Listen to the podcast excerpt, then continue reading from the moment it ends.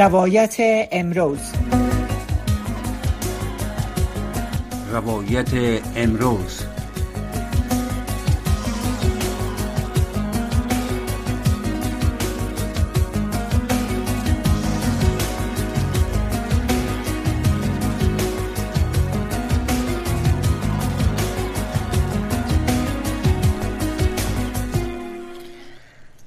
شنوندای عزیز رادیو آشنا صدای امریکا. سلام و وقتتان بخیر. امیدوارستم در هر کجایی که هستین. صحت و سلامت باشین و لباس عافیت بر تن داشته باشین. باز هم روز دوشنبه 13 مارچ است و ما فرخنده پیمانی در برنامه روایت امروز تا نیم ساعت دیگر و پس از او در برنامه صدای شما میزبان شما عزیزان خواد بودم. البته در برنامه صدای شما ممکن یکی از همکارای بخش پشتو هم مرا همراهی بکنن. خب به همین منطوری برنامه روایت امروز ما آغاز می‌کنیم. در برنامه روایت امروز در نظر داریم که مهمان گرامی در برنامه با خود داشته باشیم که روی موضوع سخنان و یا بیانیه ندام محمد ندیم سرپرست وزارت تحصیلات عالی حکومت طالبان. تبصره داشته باشند و تحلیل خود با ما و شنوندای عزیز شریک بسازن.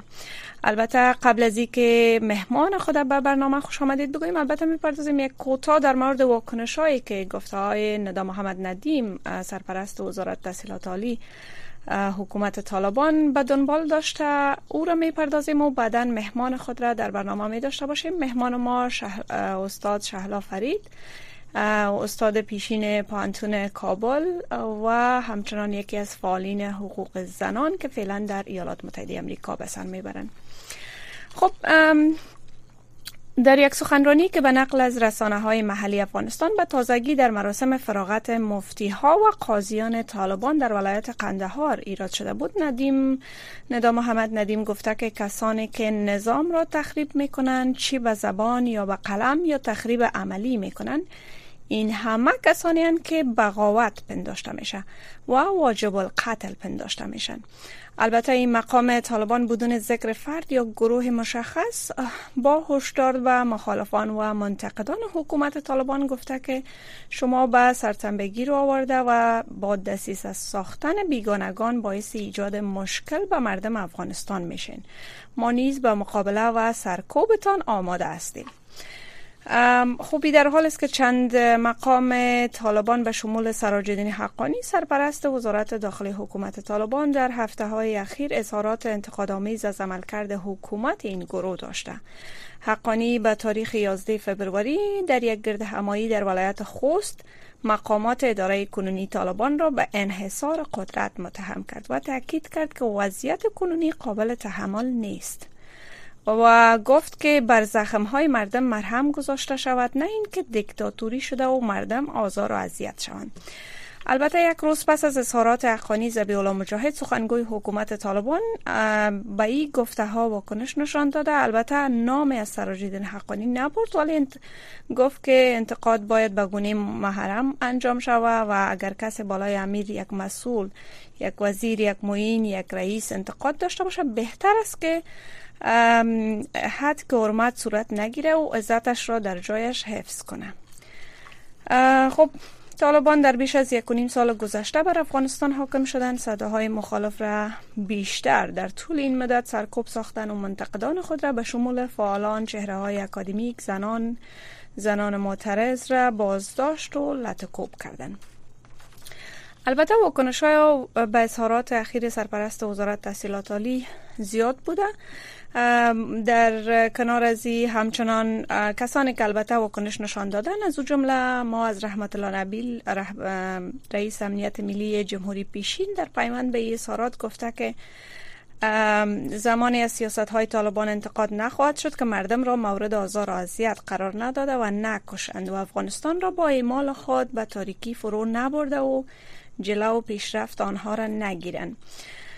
و همین گونه هم واکنش ها در صفحات و شبکه اجتماعی زیاد بوده به این گفته ها و ما هم میاییم و از مهمان برنامه خود امروز میشنویم که واکنش شما به این گفته های ندا محمد ندیم چی است؟ در طول یک و نیم سال یا بیشتر از یک و نیم سال گذشته حکومت طالبان با انتقادات زیاد مواجه شدن و واضح است که بیشترین منتقدان طالبان زنان بودن. آیا واقعا این موضوع و این حرف وزیر تحصیلات عالی طالبان متوجه زنان میشه؟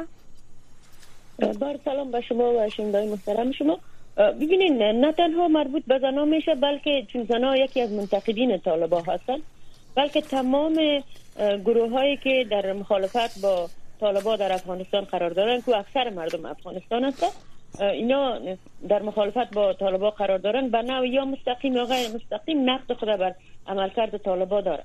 چون عملکردهای طالبا نه تنها باعث محدود شدن آزادی های معقول و آزادی های شرعی و اسلامی مردم افغانستان شده از یک سو از دیگه اینا نوع فشار بالای مردم وارد می‌کنن که توسط از فشار حتی مردم به قتل می‌رسن و از بین می‌برن. و مردم حتی شب در خانه خود آرامش نداره. چون نظامی های از اینا با سلا در کوچه ها گشت گذار می‌کنن شب روز و هیچ مسئولیت در مقابل حکومت سرپرست خود ندارن. هر عمل که از دستشان بیای او را انجام میدن. لذا خود صدای مردم بلند میشه و مردم انتقاد می‌کنن. از یک تو از دیگه خود وزیر تحصیلات عالی افغانستان تحصیلات عالی در حکومت سرپرست طالبا این هنوز وظایف خود نشناخته هنوز صلاحیت های خود نمی‌فهمه. وقتی تو مسئول یک وزارت به نام وزارت تحصیلات عالی میشی پس اونجا حرکات تو بیان تو کلش باید اکادمیک باشه و مطابق به میارهایی که یک محیط اکادمیک او را احساس می‌کنه مطابق از باید صورت بگیره. و ضرور نیست در هر موضوع اینا نظر بده. اذا من فکر می‌کنم مشکل کلان که در رابطه به چنین نظریات در بین طالبا وجود داره است اینا هنوز باید یک خود یک کشور اسلامی میگن خود یک دولت اسلامی میگن یک حکومت اسلامی میگن. حداقل اینا نتونستن یک مرجع واحد برای فتوای خود داشته باشن. پس اگر فتوا هر کس در نظام طالبا یک امارات است میگن اگر فتوار هر کس حق داشته باشه صادر کنن. پس یعنی قاضی القضات از اینا کیست؟ پس قوی قضایی از اینا چی می‌کنه؟ خود امیر از اینا چی می‌کنه؟ اینی مسائلی که مردم به ستو آوردن اینا. مرجع وقت فتوا صادر می‌کنه مرجع فتوا باید معلوم باشه که فتوا را ارزشش مردم بفهمه که چی است. آیا این فتوا مطابق احکام دین اسلام است یعنی من به صراحت میگم که فتوایی را که آقای ندیم صادر کرده این فتوا مخالف تمام متون شرعی و دینی هست شما در قرآن کریم چنین چیزی را پیدا نمی‌کنید. شما در سیرت حضرت محمد صلی الله علیه و سلم چنین چیزی را پیدا کردن نمی‌تونید که مخالفین خدا سر بریده باشن یا مخالفین خدا لازم القتل بدانن گور از بین ببرن اینا گپایی که در صدر اسلام واقع نشده. حتی در زمان خلافت راشدین هم واقع نشده. عمر فاروق یک بار زنا بعد از نماز جمعه بر, بر زنا, را مخاطب قرار داد و گفت که مهر بسیار بلند رفته. کوشش کنیم که مهر پایین بیاد و یک مقدار پول نام گرفت که به این مقدار زنا عجیب بلندتر مهر خود تعیین کرده نمی‌تونن از بین زنا یک زن بلند شد گفت یا یا عمر فاروق تو شخص فاروق هستی ولی تو به حق ما تعرض می‌کنی. مهر حق ما دل ما به حق در که ما تعیین می‌کنیم. عمر فاروق اصل خواست.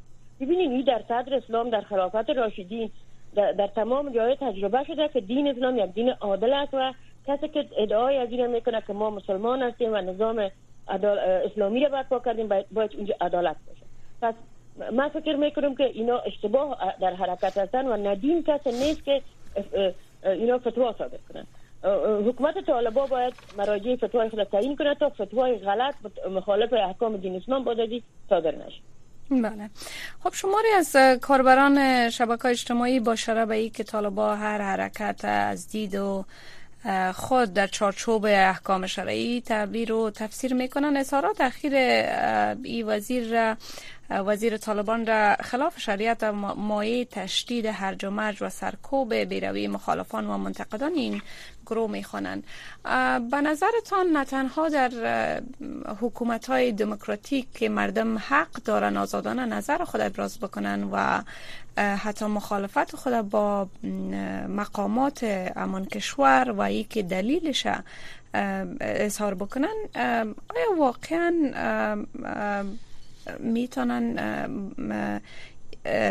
چون این چیز را توجیه بکنن که گویا این کشور می‌تونه که چنین موضوعی را تحمیل بکنه بالای شهروندان خود و از سوی دیگر هم ادعا می‌کنن که حکومت ما بر اساس و مبنای شریعت اسلامی است و مردم هم از این موضوع در امن و امنیت قرار دارن. به نظرتان چطور می‌تونه یک, یک مقام ای طالبا بیایه و چنین چیز را ادعا بکنه.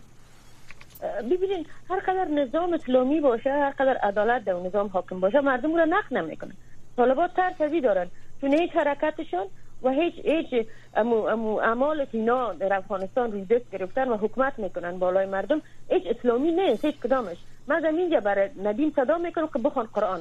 من, من با این فتوایی که ندیم صادر کرد من به این نتیجه رسیدم که امو بزرگای طالبان هنوز قرآن سعی نخوندن یا خواندن عربیش و ترجمهش نمی‌فهمن سیرت حضرت محمد صلی الله علیه و سلم نخوندن تاریخ اسلام مطالعه نکردن پس اعمالشان نه تنها اسلام بدنام می‌سازه بلکه مردم هم متنفر می‌سازه از خود. نه از دین از خود از اینا. وقتی اینا ادعا می‌کنه که ما خلافت اسلامی را یا امارت اسلامی را ایجاد کردیم و اعمالشان مخالف اسلام است. پس کجا در اونجا علاقمندی برای مردم باقی میمانه؟ اگر امروز از فشاری که اینا بالای مردم وارد می‌کنن مردم صدای خود نمی‌کشه ولی فردا این صدا بلند میشه. بالاخره تاریخ در تاریخی نوشته میشه که گروه جاهل یک گروه جاهل نادان از کو پایین شد در افغانستان قدر مدت حکومت کرد به نام دین ولی کل اعمالشان مخالف دین. ما یک کسی که دین مطالعه کرده متخصص دین نیستم ولی میره به صراحت میگم که این امی فتوای ندین مخالف احکام دین است. امی فتوای ندین در هیچ جای قرآن موجود نیست. امی فتوای ندین در سیرت حضرت محمد صلی الله علیه موجود نیست. پس ما به عنوان یک استاد برش میگم هنوزم باید تو بخونی قرآن بخون سیرت محمد صلی الله علیه و بخون و, و حدیث بخون که تا یاد بگیری بالای مردم که امارت می‌کنی بالای مردم ظلم نکنی. در تاریخ افغانستان زندانای افغانستان تجربه نکرده بود که دختر افغان و زندان بره بدون گناه به خاطر خواستن حق خود و در اونجا بالاش جنایت صورت بگیره. در اونجا بجد از تجاوز هران عمل که اینا خواستن بالای دخترای افغان انجام دادن. اونا از ترس که اقارب و فامیلشون اینا از بین نبره صدای خود بلند نمی‌کنه. امروز در زندانهای طالبات جنایت روان است. من ندیم میگم اگر تو فتوا صادر کرده می‌تونی. پس لطفا یک فتوا صادر که وزیر داخلی تا بگو متوجه وضعیت زندانهای افغانستان باش که در زندان افغانستان طالبات جنایت می‌کنن مردم به حد بس تو میرن میگن که تو که برآمدی دیگه بزد ما یک کلمه بر گفتن نمی‌تونی حتی از خانه هم برآمدن نمی‌تونی. و اگر این بار گم شدی به گردن خودت. یعنی تهدید به مرگش می‌کنن که اگر گپ ما را کردی خوب نکردی ما از بین می‌بریم می‌کشیم. پس کجای عجیب دین میمونه؟ این جایزی بدین نمیمونه. من به عنوان یک شاگرد مکتب اسلام میگم که لطفا بخونن دینه. بخونن در غیر از اون مردم تو میین همونطور که مردم چل سال بعد در ایران بر علیه آخونده قرار گرفتن. اینجا شاید یک سال بعد دیگه مردم بر علیه اینا قرار بگیره و باز میلیون مردم نه اینا کشته می‌تونن و نه از بین برده می‌تونن خب ای در حال است که اتحادیه اروپا به تاریخش در البته به تاریخ 16 هود و در آستانه 8 مارچ روز بین المللی زنان همین ندا محمد ندیم سرپرست وزارت تحصیلات عالی و محمد خالد حنفی سرپرست وزارت امر به معروف و نهی از منکر. حکومت طالبان را به خاطر اعمال خشونت و نقض حقوق زنان در فهرست تحریم های اتحادیه اروپا شامل ساختند که اینا یکی تحریم من ویزا و یا من صدور ویزا برشان من ساخته شد و دیگر تحریمی که بر علیه از اینا صورت گرفت انجماد دارایی‌هایشان در بیرون و داخل از افغانستان قرار گرفت. به نظرتان چطور می‌تونه چون این تحریم های نه تنهایی که باعث تنبیه این مقامات حکومت طالبان شود بلکه اینا بیشتر به به خشونت به وضع محدودیت ها و در کل باعث از این میشه که بیشتر اوضاع تنگتر و بیشتر دشوارتر بسازن در داخل افغانستان برای مردم افغانستان و در کل برای زنان افغانستان. چگونه می‌تونن اینا در چنین شرایط اینکه تمام جهان متوجه از اینا است باز هم با وضع محدودیت ها بپردازن و چنین اعلامیه های را صادر بکنن؟ بگیرین اکثر اعلامیه ها و وضع محدودیت های از اینا بر علیه مردم. اینا میگن چون صدای مردم بلنده و مردم میرسانن که در افغانستان نقض حقوق بشری صورت می‌گیره. زنها صدا بلند می‌کنن که ما می‌خوایم درس بخونیم این خلاف فرهنگ ما نیست خلاف ارزش های دینی ما نیست. ما می‌خوایم درس بخونیم ولی طالبان ما را نمی‌کنن این صدای مردم است و صدای مردم توسط جهان حمایت میشه. لذا اینا هر محدودیت که علیه هزینه هر تغییرات را که جهان علیه هزینه صادر می‌کنه اینا فشار سر مردم بیشترتر وارد می‌کنه. بر خودشون زود معلوم نمیشه شاید شش ماه بعد یا یک سال بعد طالبا بدانن که دیگه به به که جهان اینا تایید نکنن کشورهای مختلف اینا رو به رسمیت نشناسه اینا دیگه به یک گروه تروریستی کوچک جغرافیای به نام افغانستان حاکمیت دارن تبدیل میشن و روابط همراه اینا قطع میشن. خودشون مجبور میشن که بس تغییرات بره که بسیار ناوقت هستن برشون لذا من فکر می‌کنم که فتوای از اینا هر زمانی که صادر میشه به نوع مقابله با مردم افغانستان است و نوع خاموش ساختن مردم افغانستان است. شما صدایتان بلند نکنین در غیر از تغییرات علیه ما وضع میشه. ما ما ما ما یک چیزی فکر می‌کنم. از خاطر است که کمتر تاثیر کرده. و این عدم تاثیر تغییرات کم کم تغییر میده. با تغییرات را که جهان علیه از اینا وضع می‌کنه اینا را به نوع دیگه باز بالاشان ایمال می‌کنه که باز وقت مجبور میشن به پاسخگویی زمان اینا طالبا می‌تونن و مردم فشار ندارن که جهان اینا را مجبور به پاسخگویی بسازه چون جهان برای به قدرت رسیدن از اینا اینا را همکاری کرد. ملل متحد و کشورهای همکار افغانستان خودشون زمینه زیر مسائل ساخت که طالب باید به قدرت برسه. پس آل خودشون با امور راه هم بلد هستن که قدرت های اینا را محدود بله. خب البته ای اولین مقام طالبان نیست که چون این موضوع را فتوای را تقریبا صادر کرده. پیش از این هم در نشست علمای دین که سوی طالبان در کابل برگزار شده بود مولوی مجیب الرحمن انصاری عالم دین طرفدار طالبان که بعدا در هرات کشته شد البته در یک حمله انتحاری گفته بود که مخالفان نظام طالبان و کسانی که بر ضد آن کوچکترین حرکت می‌کنن باید سر زده شود کو سخنان او هم بیشتر واکنش برانگیز بود و در شبکه های اجتماعی و مردم بیشتر به او واکنش نشان دادن که گویا هیچ این موضوعی را که گفته مطابق دین شریعت و هیچ حتی برابری و موضوع مطابقت نداره. آیا واقعا رهبر طالبان هبت الله خنزاده که در رأس این گروه قرار داره. فکر می‌کنین که از چونین فتواهایی که مقامات طالبان صادر می‌کنن فکر می‌کنین که واقعا در در مطابقت به نظریات او ممکن باشه یا ای که مخالف مخالف چنین نظریهایی که مقامات زیر دست صادر می‌کنن باشه؟ من فکر می‌کنم امو سلسله مراتب که در یک حکومت حتی اگر یک حکومت سرپرست است. یک سلسله مراتب بین حکام و بین اعضای از حکومت موجود می باشه کسایی که در رأس مدیریت قرار دارن موجود می باشه اینا چون مفهوم مدیریت درک نکردن و نمی‌فهمند و در حکومت داری هم سلسله مراتب رعایت نمی‌کنه. من فکر نکنم. از بسیاری فتواهای از اینا امیرالمومنینشان خبر نداره. چون یک امیرالمومنینی که از ترس جامعه و از ترس مردم و از ترس قدرت های جهان که میگه من علیه جهاد می‌کنم حداقل ظاهر چهره خود به مردم خود نشان دادن نتونه.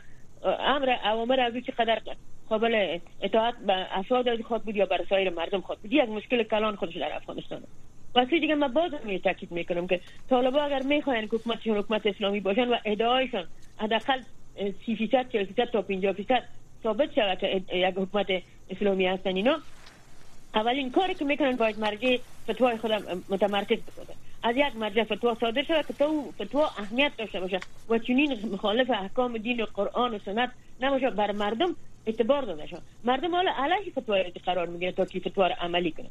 که مردم یعنی وقتی که انسان ها به داد رسیدن از ظلم موزیگه وقت پیازی نمیگردن که ما کشته میشیم. امروز در ایران چقدر نفر روزانه توسط حکومت ایران کشته میشن ولی فرداش مادرش این عمل انجام میده. فردا دیگه خواهرش می‌سازه علیه حکومت برادرش می‌سازه علیه حکومت. این قتل کشتن نمی‌تونه که سبب کاملا خاموش ساختن مردم شود. لذا من فکر می‌کنم سلسله مراتب بینشان وجود نداره. امکان داره هر کدام از اینا خود یک عالم میگن در بینشان از خاطر بیتفاقی و درز به وجود آمده. هر کس از یک مرجع یک فتوا صادر می‌کنه. و مردم بیچاره در مابین ایران مونده که فتوای کدام از اینا تطبیق کنن. و وقتی که میرن مردم هم درس خوندن مردم تحصیل کردن. این که اینا ادعا می‌کنن. 99 فیصد نفوس افغانستان مسلمان است. اونا دین می‌فهمن اونا قرآن خواندن اونا قرآن خواندن و فهمیدن. می‌فهمن که فتوای از اینا مخالف احکام دین است. لذا من فکر می‌کنم با این کارهای خود طالبا پایه های حاکمیت خود انوز هم محدود می‌سازن و هم ضعیف می‌سازن. بالاخره علیه اینا مردم حرکت می‌کنن. و خود حکومت ظلم کوتاه هست بسیار. و این دینم برشان گفته. وقت ظالم به قدرت می باشه قدرت از خداوند است بهش پس همون خدایی که تو میگی مرا به قدرت رسانده تو از قدرت خدا برات داده تو از او استفاده می‌کنی پیش خداوند آسان هم است که قدرت است من من فکر می‌کنم که بسیار بسیار در بینشان عدم مدیریت از لحاظ اوامرشان احکامشان و این فتوهایشان وجود داره. بله. خب به نظرتان با اینکه بیشتر از یک کنیم سال از حاکمیت طالبان گذشت و در این مدت یگانه صدایی که در افغانستان باقیمان صدای زنان است. البته با آنکه دادخواهیشان اعتراضشان بسیار محدود ساخته شده. حالا در جاده ها نمی‌تونن براین حالا در حتی کتابخانه را که اونا تجمع می‌کردن کتابخانه های زنان هم حتی محدود و بسته مسدود ساخته شد. به نظرتان جهان منتظر چی است؟ چی وقت جهان و کشورهایی که می‌تونن بالای طالبان فشار واقعی بیارن تا تغییرات در پالیسی طالبان رو نما این سکوت سنگین خود میشکنانن و واقعا با طالبان در وارد گفتگوی جدی و تغییر policy شان خواهد شدن. من فکر می‌کنم جهان به تنهایی نمی‌تونه کار کنه. یک حرکت باید از طرف خود افغان به وجود بیه اونو حرکت به ضد طالبان یا اپوزیسیون تشکیل شود که مخالف طالبان. که صدای مردم که مخالف طالبان است وقت در داخل خفه میشه حداقل در بیرون این اپوزیسیون ایجاد شود و اینا صدای مردم داخل افغانستان باشد و یک واقعیت واقعی عمل کنند مردم. از بیتفاقی که از لحاظ قوم و زبان و این مسائل در چل سال در افغانستان سازمان داده شد شکل داده شد و امروز طالبا اون رو به حادش و مدرجه حادش رساندن این مسائل نباشه. به عنوان یک ملت به عنوان یک ملت یک رهبری تعیین کنن به عنوان یک ملت اگر مردم افغانستان که بیرون از افغانستان برآمدن واحد شون هم از لحاظ فکری و هم از لحاظ خواسته ها و هم از لحاظ تغییر در افغانستان. اونجاست که برای جهان یک راه حمایت پیدا میشه. جهان به تنهایی خود نمی‌تونه فشار اجرایی را بالای طالب وارد کنه که سبب سقوط نظام طالبا شود در افغانستان. این جهان به تنهایی نمی‌تونه ایره و در شرایط امروز که globalization حاکم است حقوق بین المللی مورد احترام قرار می‌گیره. حاکمیت ملت ها مورد احترام قرار می‌گیره. این جهان این کار هرگز انجام نمیده که برای یک بار دیگه تجربه تلخ حمله بر عراق حمله بر ویتنام و حمله بر افغانستان یک بار دیگه تجربه شود. این او تجربه سخت بود گذشتن جهان. و این بار ما فکر نکنیم که چنین یک عمل صورت بگیره. و زمین سبب است که طالبان بسیار به خاطر جمع اران ظلم کس بالای مردم افغانستان انجام میده مگر اینکه مگر که خود مردم افغانستان متحد شوند و بخواین علیه طالب اقدام کنند برای تغییر یک وضعیت علیه طالب اقدام کنند و جهان مردم افغانستان حمایت کنند تا از, از یک آدرس واحد یک صدا بلند شود و این نظام پایه هایش سستر بسازن و از بین ببرن. در غیر از فکر نکنم که جهان به تنهایی خود بجز از. تغییرات کارهای عملی را در رابطه با سقوط نظام در افغانستان به پیش بله. خب به اساس گفتای بعض از مقامات امریکایی و تحلیلگران در منطقه بیشتر توافقنامه دوحه را دلیل سقوط جمهوریت و حاکم شدن طالبان بر افغانستان می‌دانند. به نظرتان چی فکر می‌کنین؟ کدام یک از کشورهای جهان بیشتر عامل چنین وضعیت است که در افغانستان فعلا جریان داره و بیشتر مسئول هستند که اونا اقدام بیشتر از کشورهایی که آن به تناسب کشورهایی که بیشتر دخیل بودن و نیروهایشان بیشتر در افغانستان موجود بود اقدام بکنن و به وضعیت افغانستان رسیدگی بکنن. ببینید من توافقنامه دوها درست است که بین امریکا و طالبان امضاش ولی من هیچ وقت خودم نظر به مو, ساختار جامعه افغانستان و نظر به وضعیتی که در افغانستان حاکم بود و ما بودیم در افغانستان. نظر به وضعیت. من هیچ نمی‌تونم یک کشور متهم بگم یک کشور مشخصه. چون اگر یک کشور مشخص بر افغانستان حکومت می‌کرد از آدرس ناتو و ملل متحد آمد هم کجا کرد. اگر یک کشور مشخصه که مثل امریکا که تانست توافقنامه دوحه را امضا کنه سازمان ملل متحد مورد تایید برو گذاشت. ناتو بر اون مورد تایید گذاشت. در در مجموع کل کشورهای جهان مهر تایید گذاشتن. و اینم فراموش نکنیم که کشورهای جهان هم همون هر کشور را هدف باشه که اگه او امریکا باشه اینا هم منافع سیاسی و منافع مردم خود در نظر گرفته عمل می‌کنن. هیچ وقت هم امریکا نمی‌خواست که دیگه دیگه امریکایی در داخل افغانستان کشته شود. لذا اون راههایی را جستجو کرد که باید از, از افغانستان بیرون شود. یکی از راه ها امضای توافقنامه دوحه بود. با که من یکی از منتقدین توافقنامه دوحه هستم و من می‌تونم اون نقد کنم که مردم افغانستان در در قبال توافقنامه دوحه هیچ مسئولیت ندارن و امضا نکردن. ولی امروز امروز ضررش به مردم افغانستان وارد میشه. وقتی توافقنامه دوحه امضا شد طالب من حیث مردم افغانستان مخاطب قرار داده امریکا امروز توافقنامه دوحه را امضا کرد. و بالاخره سبب به قدرت رسیدن از شد ولی یکی از عوامل سقوط نظام. ما بازم باور به باور ما باید برسیم که اگر مردم افغانستان اگر حاکمیت وقت افغانستان از کمک های جهان و از کمک های کشورهای مشخص یک استفاده معقول و سیاسی و نیک می‌کرد که به ضرر مردم تمام نمی‌شد نظام سقوط نمی‌کرد بله. نام دوها فقط خب. یکی از عوامل سقوط نظام هستند بله. عوامل قویترش خود کسایی بود که در رأس نظام قرار داشتن بله. که افغانستان به این بدبختی نیست لذا بسیار سخت است که ما به عنوان یک زن که در این راستا کار می‌کنه فقط یک کشور متهم بسازم من این کشور را متهم نمی‌سازم بازم میگم نظام جمهوریت رهبرای نظام جمهوریت در این رابطه عامل کلان عامل کلان سقوط نظام بود. خب قسمی که می‌بینیم در طول همین مدت که طالبان بر افغانستان حاکم هستند و توافقنامه دوحه امضا شد بین امریکا و طالبان در حقیقت شرط و شرایط بین دو طرف موجود بود که حالا در این جریان هر دو طرف یکدیگر خود ملامت می‌کنن که این توافقنامه را نقض کردن. طالبان امریکا را ملامت می‌کنه و امریکا هم تمام شرایطی که در توافقنامه وجود داشته که پس از توافقنامه دوها باید یک مباحثه و یا یک جلسه بین افغان ها بین الافغانی باید صورت می گرفت که صورت نگرفت و طالبا پس از او هیچ موادی این را در حقیقت عملی نکردن. به نظرتان اگر تمام مواد این توافقنامه چیزی که برای رسانه ها در جریان گذاشته شد عملی می‌شد فکر می‌کنین که از وضعیت که فعلا در افغانستان جریان داره جلوگیری صورت می گرفت ببینید یک مشکل کلان توافقنامه دوهایی بود که یک مرجع مسئول ناظر برش تعیین نشد. مثلا ملل متحد یگانه مرجع بود باعث مسئول نظارت از تطبیق توافقنامه دوها. هیچ کشور درگیر جنگ افغانستانی مسئولیت قبول نکرد و حتی سازمان ملل متحد هم در پای تطبیق قطعنامه دوها مورد تاییدی گذاشت ولی هرگز باعث یک نهاد بین المللی ناظر مسئولیت قبول نکرد. لذا حالا هیچ, هیچ ما گفته نمیتون که کدام مواد توافقنامه دوحه قابل اجرا بوده و نشده و کدام موادش قابل اجرا نبوده و شده. فعلا عملی شده و ضرر بر مردم افغانستان نشه کلانترین مشکل توافقنامه دوحه امی بود که صرفا یک توافقنامه بود بین یک گروه تروریستی به نام طالب و یک حکومت بسیار کلان یک دولت بسیار کلان قوی و از لحاظ نظامی از لحاظ سرمایه داری از لحاظ اقتصاد از تمام در جهان یک کشور بسیار بزرگ به این با یک گروه تروریستی کوچک توافق نامه را امضا کرد. خامخا تطبیق مواد ازی به مشکل مواجه میشه. شما یک گروه کوچک در مقابل یک دولت کلان قرار بدید و توافق نامه بسیار کلان که سرنوشت یک ملت به وابسته باشد امضا شود. این خود به خود وقت ناظر بر بر نظارت بدی صورت نگیره مشکل خود می‌کنه من فکر می‌کنم که یک مشکل کلان در. رابطه با توافقنامه دوها می بود که دولت فیلی امریکا خود مقایسه کرد با گروه کوچک تروریستی و توافقنامه را امضا بله یک جان تشکر.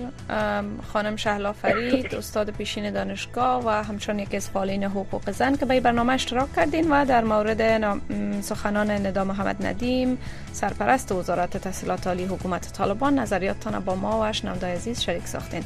خب شنوندای عزیز شما هم برنامه های بعدی رادیو شناسای امریکا را تعقیب بکنید.